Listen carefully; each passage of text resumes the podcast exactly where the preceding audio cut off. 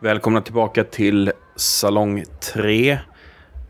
Vår sommarserie där vi går igenom Sight and Sounds The Greatest Films of All Time. Senast uppdaterad december 2022. Det här är avsnitt 4 av 5. Och i det här avsnittet ska vi gå igenom platserna 40 till 21. Och som vanligt om ni vill ha liksom hela den här listan framför er när vi går igenom det här så kan ni gå in på martindegell.com. Där kan ni också kommentera på de olika avsnitten om ni känner för det. Eh, vi går rakt på det. Nummer 40. Plats 40. Där hittar vi Rear Window, fönstret åt gården. Är detta möjligen Alfred Hitchcocks bästa film? Frågetecken, frågetecken. Jag är nog nästan inne på det. Jag tycker den är så perfekt på något sätt. Eh, både i, utifrån vad den uh, försöker göra. Nivån av kontroll som Hitchcock har över filmen. Uh, han var ju känd för att avsky själva filminspelningen. När man kom till den biten av produktionen Eh, när han, hade, han hade redan gjort alla sina storyboards. Han hade nedtecknat allting han ville i manuset och hur folk skulle röra sig och hur folk skulle se ut och säga saker och sådär. När han hade kommit dit så var han nästan less på det. Själva inspelningen och klippningen och sådär, det var liksom inte så intressant längre då. Då hade han redan gjort klart filmen i sitt huvud. Men Fönstret åt gården är ju verkligen, i och med att den är gjord helt och hållet liksom i en studio. Hela den här liksom bakgården, den här gården man ser från titeln då. Eh, som Jimmy Stewart tittar ut över och spanar in på sina olika grannar och så vidare. Allt det där är ju byggt upp i en, i en studio. Där har vi verkligen Hitchcocks dockhus på något sätt. Jag tycker fortfarande den är fantastisk. Den är spännande, den är rolig, den har ett tempo. Den är så koncis och, och, och fin på något sätt. Jag, jag gillar den verkligen. Nummer 39. Plats 39 har vi Jean-Luc Godards eh, genombrott till sista andetaget, Abu de Souffle, från 1960. Som ju kanske ännu mer än eh, de 400 slagen av Truffaut verkligen markerade den franska nya vågens eh, inträde på liksom, filmarenan. Det här är ju en film som, som verkligen är, den, förutom att den är väldigt underhållande och, rolig och fartfylld och, och, allt sånt här, så är den ju också en film som är ganska radikal, eller i alla fall var det då. Det, jag menar, den, på många sätt så skrev den ju liksom om filmens grammatik, vilket ju då vissa filmer i filmhistorien har gjort. Och det här är verkligen ett tydligt exempel. Här kan vi peka på liksom att när Godard använder sig av så jump cuts och, och, han hoppar i kronologin och han medvetet låter liksom ljud och bild inte synka och sådana här saker. Det, allt det där som ju man skulle kunna, det skulle kunna landa i någon sorts bara poänglöst eh, experiment eller så. Men han får det att funka på något sätt. Det, det, det hänger ihop med den här för tiden då unga nästan revolutionära eh, energi som sen franska nya vågen väldigt mycket stod för. Eh, samtidigt som man naturligtvis är helt marinerad i filmhistorien och så här otroliga cineaster och, och liksom kunde allt om alla filmer som kom före dem. Inte minst var man ju jätteintresserad av amerikansk eh, genrefilm som var ganska lågt sedd på den tiden. Alltså westernfilmer, film noir, deckare och så vidare. Som man ju naturligtvis kan se återspeglas i till exempel den här filmen. Nummer 38. På plats 38 så har vi i hetaste laget, Some Like It Hot, ännu en Bill Wilder. Som jag gillar jättemycket. När jag var kanske 10 eller sådär. Så hade vi en VHS-spelare då. Videospelare hemma hos mina föräldrar. Och eh, i hetaste laget gick på tv. Och den hade jag fått för mig att den skulle jag spela in från tv. Från SVT 1 eller 2. Sagt och gjort.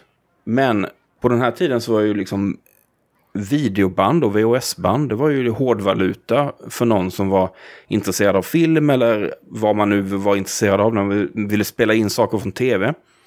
Och av någon anledning, jag, jag vet fortfarande inte riktigt liksom, hur kunde sådana här band ens finnas, men jag tror att jag hade de, de enda lediga banden, eller bandet som jag hade, jag tror de kanske var 45 minuter långa eller något sånt där. Jag kan tänka de som inte var med på den tiden. De flesta VHS-band låg på ungefär tre timmar. Vissa fyra timmar. Det kunde till och med finnas fem timmar. Men det här, av någon anledning så hade jag ett par band som var 45 minuter långa. Vilket innebar då att jag har sett Some Like It Hot jättemånga gånger. Fast uppdelad då på tre olika band. Så att efter 40-45 minuter var jag tvungen att byta band då, för jag skulle säga. Så var det på den tiden. Nummer 37. Plats 37. En riktig klassiker. Överhuvudtaget så kommer vi ju in på, det här är liksom idel klassiker nästan. Med vissa undantag. Nu när vi är uppe på de här liksom positionerna på listan. Så är det liksom, det finns knappt utrymme för något annat. Men på plats 37 har vi då M. Som ibland har en liten så här undertitel Eine Stadt sucht einen Mörder. Och det är ju då Fritz Langs mordhistoria från 1931. En, en hiskelig historia där, där Peter Lorre spelar ju den här plågade men också monstruösa mördaren. Som då en hel stad nästan blir hysterisk över att få tag på. Jag funderade på det när jag, när jag såg att den här filmen liksom den flöt förbi här på listan. Det är ett mästerverk, helt klart. M, M som är mästerverk. Men att Fritz Lang, trots att hans liksom enorma kapacitet och bredd som regissör. hur många skulle säga att man har Fritz Lang som sin favoritregissör 2023? Jag, jag tror fortfarande han är lite sådär, eller han har väl blivit, ska vi säga, lite, inte bortglömd, men lite underuppskattad, om man nu kan säga så. M är hur som helst en fantastisk film. Peter Lorre är naturligtvis en, en otroligt eh, fin aktör som ju sen ganska kort efter det här eh, flyttade till, till Hollywood av eh, nationalsocialistiska anledningar i Tyskland. Nummer 36. På plats 36 har vi lite mer Chaplin. City Lights. Eh, Stadsljus heter den väl kanske bara på svenska. Från 31 då, fyra år efter ljudfilmens entré, så gör då Chaplin en stumfilm. Som ju var väldigt framgångsrik på sin tid, även om många då tyckte att det här borde du inte ägna dig åt längre, du borde gå över till det ljud som alla andra. Jag har inga starka känslor kring den här, det är väl lite mer så här schmaltz från hans sida. Som en sidokommentar kan jag dock säga att eh, eh, när jag spelar in det här så är det dagen efter som eh, Paul Rubens eh, gick bort. Känd som Pee Wee Herman. Och eh, jag kunde inte låta bli att notera en, en bekant som, som skrev på, på sociala medier att Paul Rubens var cirka 500 gånger bättre än Charlie Chaplin. Nummer 35. På plats 35 hittar vi Pater Panchali som ju är Satyajit Rays debut faktiskt. Det här är då den indiska eh, autörens kanske mest kända film. Det är ju då den första delen av en trilogi om Apu. Eh, Apu-trilogin. Det här är då den första som man blir nästan chockad när man får reda på att det här var Rays eh, eh debut. Den är från 1955, väldigt stilsäker, självsäkert berättat. En väldigt dyster historia som är baserad på en roman tror jag, om en fattig familj då i Indien som lever ett liv utan större framtidsutsikter kan man väl säga. Med fokus då på de två barnen, särskilt då sonen Apu, som är då familjens baby. Ganska bortklemad av såväl mamma som stora syster då. Och man följer de här barnen som hittar på liksom eh, olika saker att underhålla sig i, i den här enkla, enkla vardagen. Tydligt inspirerad av eh, neorealismen som ju kom efter kriget i Italien. Och den kan man säga utför ungefär samma balansgång mellan det realistiska och det som då drar åt det sentimentala eller kanske till och med det romantiserande. Vissa kritiker har tyckt att det liksom det drar lite väl mycket åt det romantiska och att, att Ray då skulle skönmåla den här familjens fattiga tillvaro. Det håller jag väl inte riktigt med om, men däremot så kan man ju säga att eh, tempot är ju lite haltande. Den trampar lite vatten och sådär. Men det är ju en helt klart en milstolpe inom indisk film såklart. Nummer 34. På plats 34 hittar vi L'Atalante från 1934. Det här är Jean Vigors sista film, den enda långfilm som eh, han gjorde. Historien kring eh, filmen och Vigors eh, liv är egentligen mer intressant än själva filmen. Men det finns väldigt mycket bra här. Och det är så deppigt att, för det finns så mycket oförlöst talang. Att det, det är liksom omöjligt att se den här filmen och inte sörja att då Viggo gick bort väldigt kort efter dess premiär. Eh, på många sätt eh, mischmasch av eh, stilar och genrer. Det är både så socialrealistiskt arbetarklassdrama eh, med naturalistiskt spel. Samtidigt så är den då full av drömska scener, eh, lyriska, poetiska ögonblick, ständiga brott mot den här eh, realismen som den också använder sig av. Som då på ett ganska fint sätt illustrerar de här huvudpersonerna och deras drömmar och så. Det, det är en jättefin, jättefin film. Nummer 33. Plats 33, där hittar vi 8 och en halv från 1963. Det här är eh, en film av eh, Fellini. Kanske på sitt mest navelskådande och narcissistiska humör. Det är inte en film för mig, men jag vet att väldigt många gillar den. Nummer 32. Plats 32, Psycho från 1960. Slår alltså fönstret åt gården. Eh, det här skulle vara motsvarigheten till när om, om Hitchcock hade gjort liksom gått från en stor studiofilm till att uh, göra en, uh, en sjabbig lågbudgetrulle åt Blumhouse eller någonting nu. Om han hade levt idag. Nu gjordes ju naturligtvis Psycho på, för Universal så det var ju inte ett jättestort steg eh, neråt så. Men den, den gjordes onekligen med betydligt mindre budget än, än vad han var van vid och i svartvitt och lite mer gritty sådär. Eh, plus naturligtvis att liksom dess, dess betydelse för skräckgenren eller thrillergenren, slashergenren, vad man nu vill kalla den. Det går liksom inte att eh, överskatta det. Och vad som är intressant är ju också att den är väldigt bra. Den är fortfarande väldigt spännande. Alla skådespelare gör svinbra jobb. Musiken av Bernard Herrmann. Den är jättebra. Eh, det är inte bara någon sorts så här historisk milstolpe, någon sorts referensverk. Den, den är faktiskt väldigt, väldigt bra.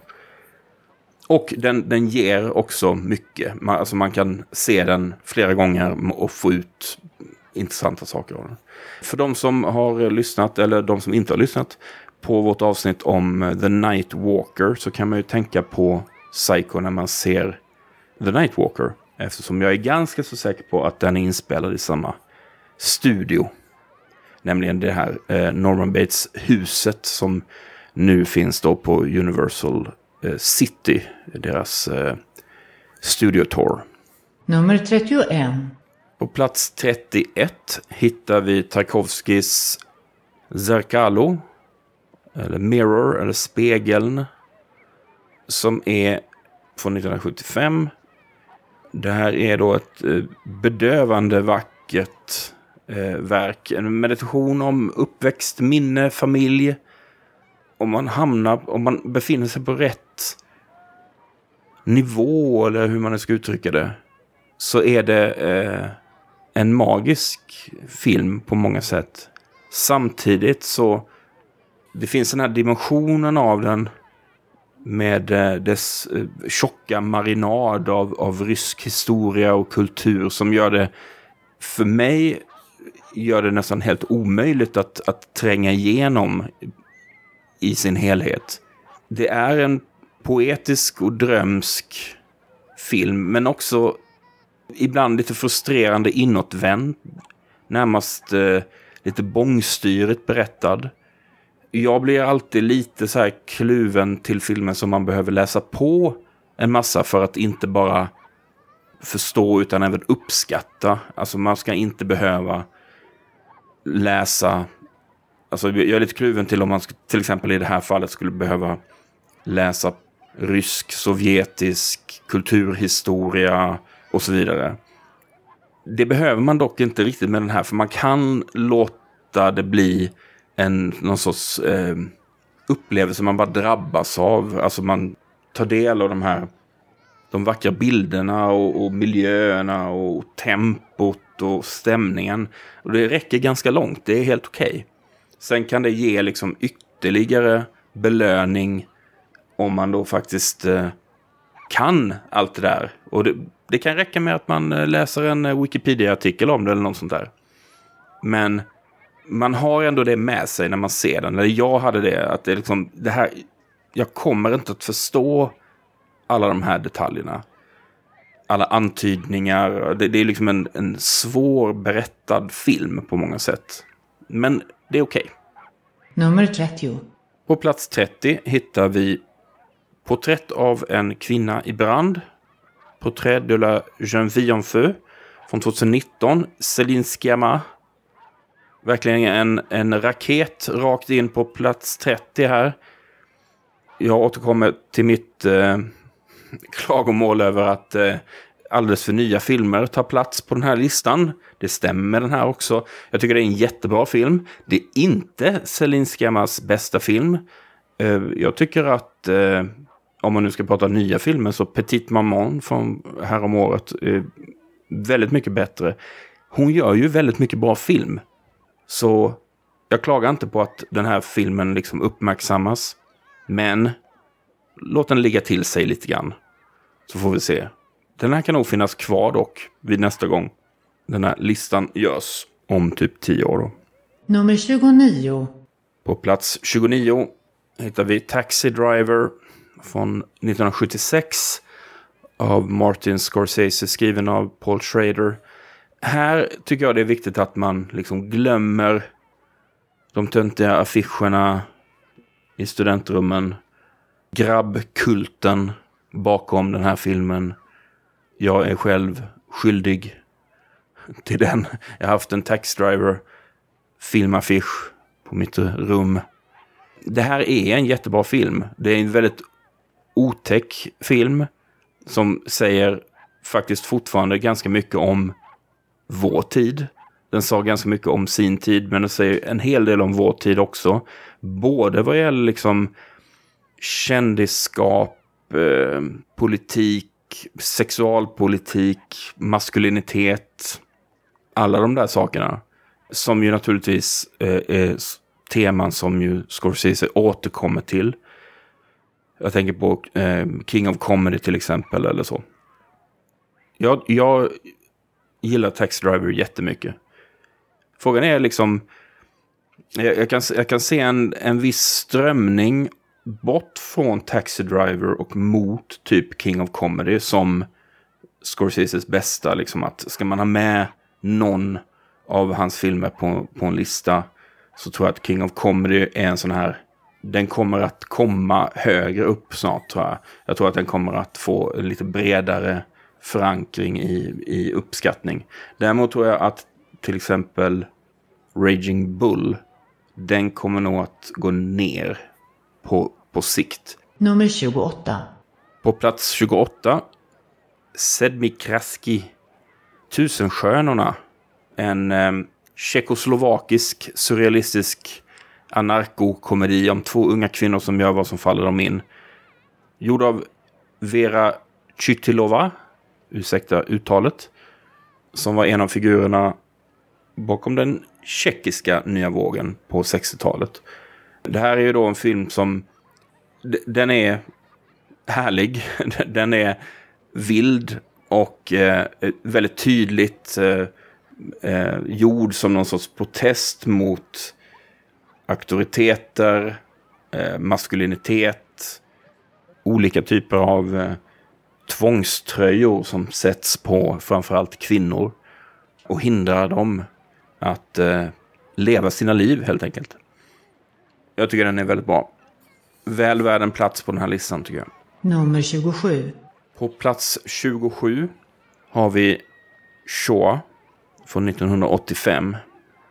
En monumental dokumentär av Claude Lanzmann om förintelsen. Trots sin längd, ja nu har vi faktiskt en ny, en ny ledare här i långa filmer på listan. Med sina 9 timmar och 26 minuter så slår Shoa Satan Tango med gott och väl två timmar. Trots det så är det liksom inte vad jag trodde att det var innan jag hade sett den. Det är inte en heltäckande dokumentär om förintelsen. Istället gör då Landsman nedslag i ett par olika aspekter. Det är väl framförallt fyra, tre eller fyra liksom fokus som man har. Det är eh, Warszawa-gettot, Chelmno heter det va? Eh, en av, en av förintelselägren samt då Treblinka och eh, Auschwitz-Birkenau. Den här är gjord på 80-talet så det finns liksom... Han letar upp och intervjuar inte bara överlevare utan vittnen, civilbefolkning, gärningsmän, folk som jobbade på de här, i de här lägren. Det är en eh, blytung dokumentär. Och han har också en, ett ganska... Jag vet att jag, jag och min kompis Mattias såg den här filmen.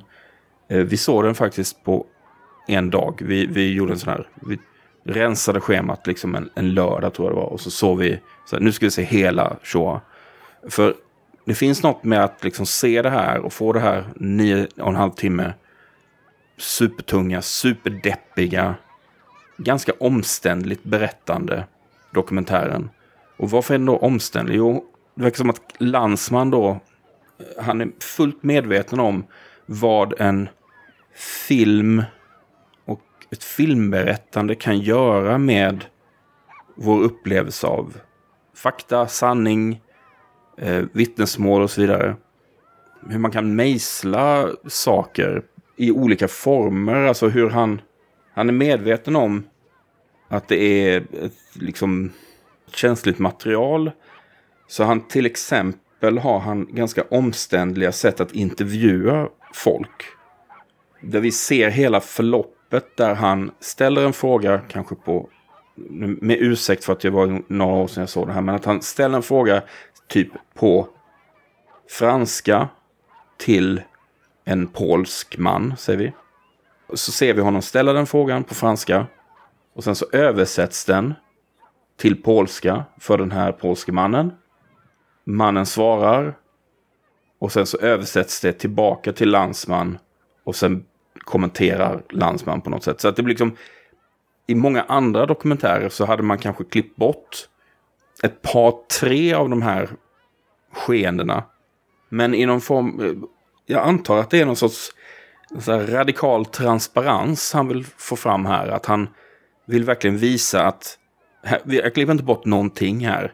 Jag har med min originalfråga, jag har med hans originalsvar. Men jag har även med liksom översättningen, tolkningen och plus då för oss som verkligen kanske pratar så bra eh, franska eller polska så har han med då naturligtvis eh, text, textade då på, på engelska. Så det, det, är mycket information. Ibland kan man uppleva det, särskilt när man sitter då kanske timme sju eller åtta i den här filmen. Så kanske man tycker så, varför trimmar han inte de här intervjuerna lite grann? Men jag tror som sagt att det, det finns en det finns en idé bakom det som jag ändå respekterar. Det är en film som man måste se, tycker jag. Nummer 26. På plats 26. En film jag såg i London på bio. Minns jag någon gång i runt millennieskiftet eller så. The Night of the Hunter från 1955. Den enda filmen som eh, den fina skådespelaren Charles Lawton regisserade. Det här är verkligen något, eh, alltså på pappret en ganska så skulle kunna vara, inte slätstruken, men liksom en, en ganska så traditionell historia om det finns en, en, en onding som är ute efter, eh, efter någonting och trakasserar och terroriserar en kvinna och hennes barn om detta. Men det är någonting med iscensättningen av den här filmen som, som lyfter den liksom skyhögt över dess ganska ordinära premiss. Det handlar om både om skådespeleriet, där ju eh, Robert Mitchum eh, med sina ikoniska love-hate-tatueringar på, eh, på knogarna. Men också själva liksom sceneriet och det, en liten overklighetskänsla över den. Jag säger inte vad den heter på svenska för det är en sån mega spoiler, den svenska titeln. Jag undrar vad man tänkte där. Fantastisk film, Se den om ni kan. Nummer 25. På plats 25. Och Hazard Baltasar. Som jag tror heter Min vän Baltasar kanske. På svenska. Det här är då Robert Bressons mycket lätt förtäckta Jesusfilm.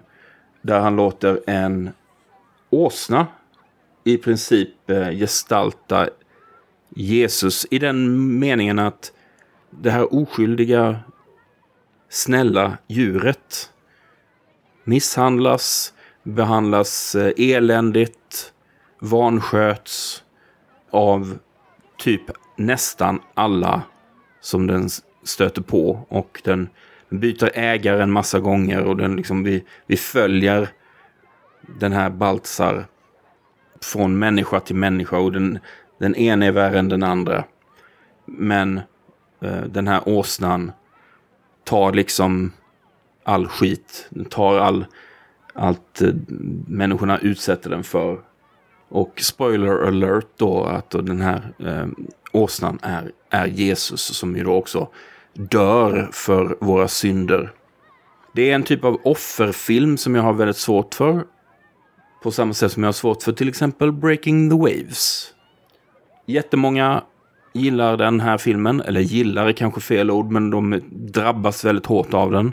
Och den är ju hemsk på många sätt. Mm, funkar inte för mig. Nummer 24. Plats 24 då. Apropå Love-Hate på knogarna.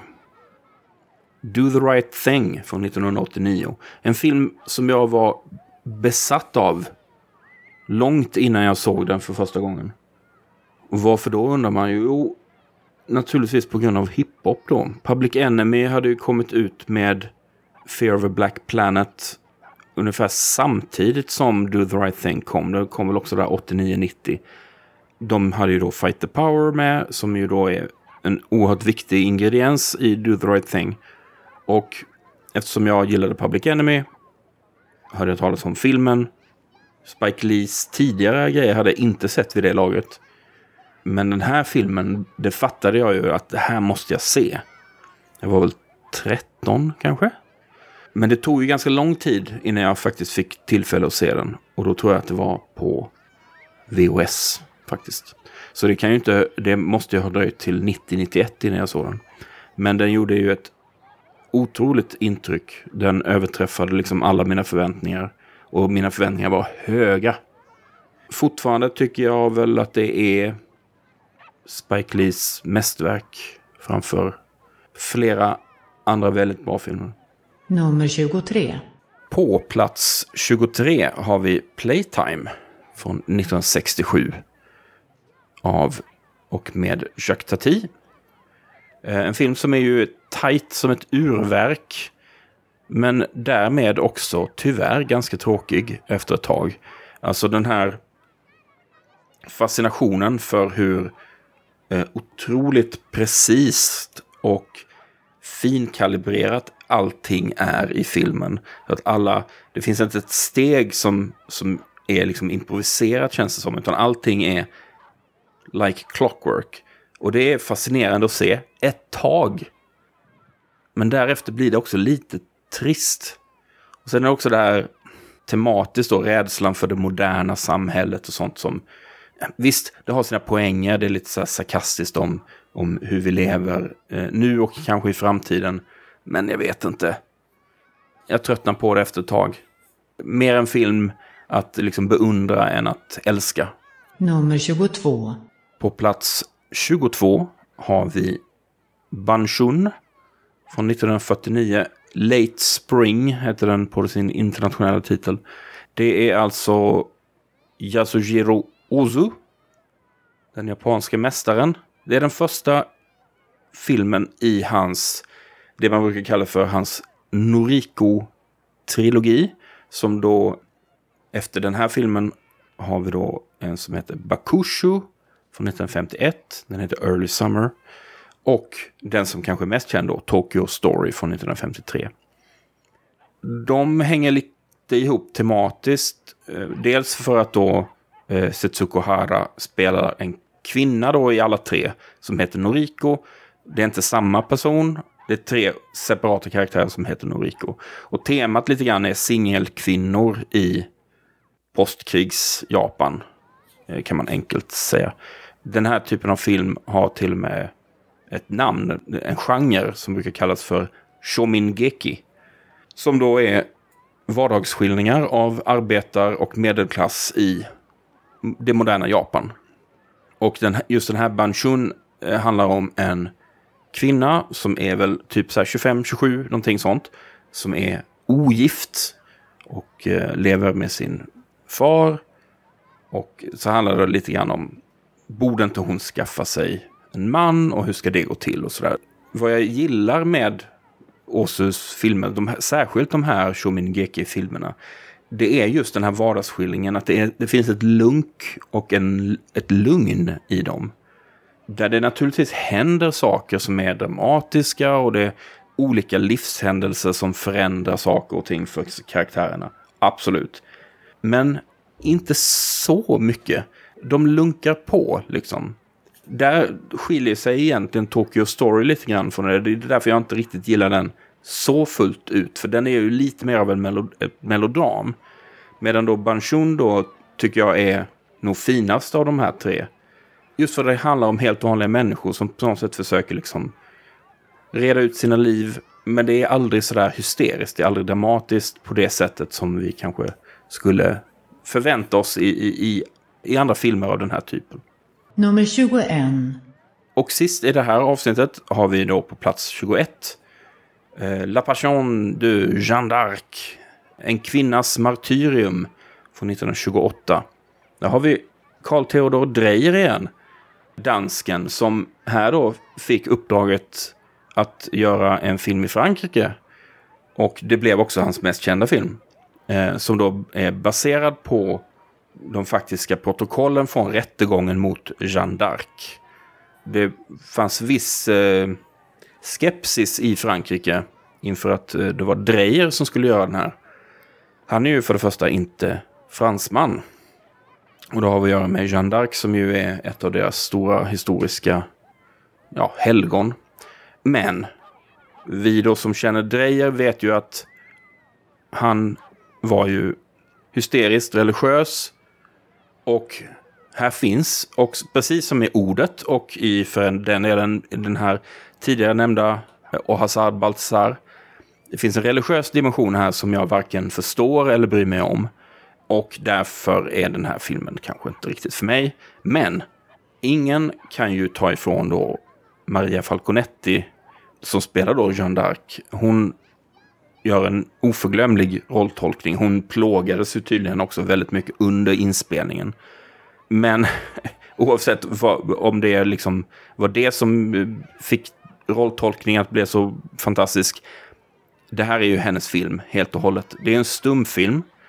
Och, och kanske särskilt därför så är det liksom otroligt imponerande hur hon, vilken, eh, vilket känsloregister hon får fram. Så värt att se av den anledningen. tycker jag. Då ska vi se, det här var platserna 40 till 21. Och jag är snart tillbaka med de allra, allra bästa filmerna. Platserna 20 till nummer 1. Vi hörs snart igen.